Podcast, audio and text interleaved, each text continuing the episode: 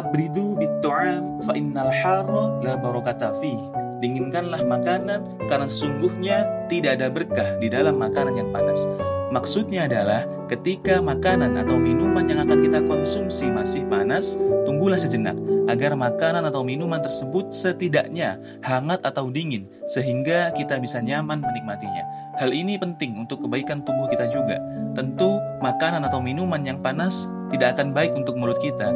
Inilah salah satu keistimewaan ajaran Islam. Ajaran Islam detil mengatur apa pun yang baik untuk kita.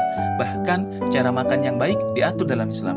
Makan pakai tangan kanan, tidak berlebihan dalam makan, makan makanan yang baik dan halal. Ajaran Islam memberikan aturan hidup yang universal. Seluruh aturan dalam Islam bermanfaat untuk kehidupan kita yang baik, sehat, dan aman insya Allah. Semoga kita bisa mengamalkan ajaran-ajaran Islam yang begitu indah ini. Amin amin ya rabbal alamin.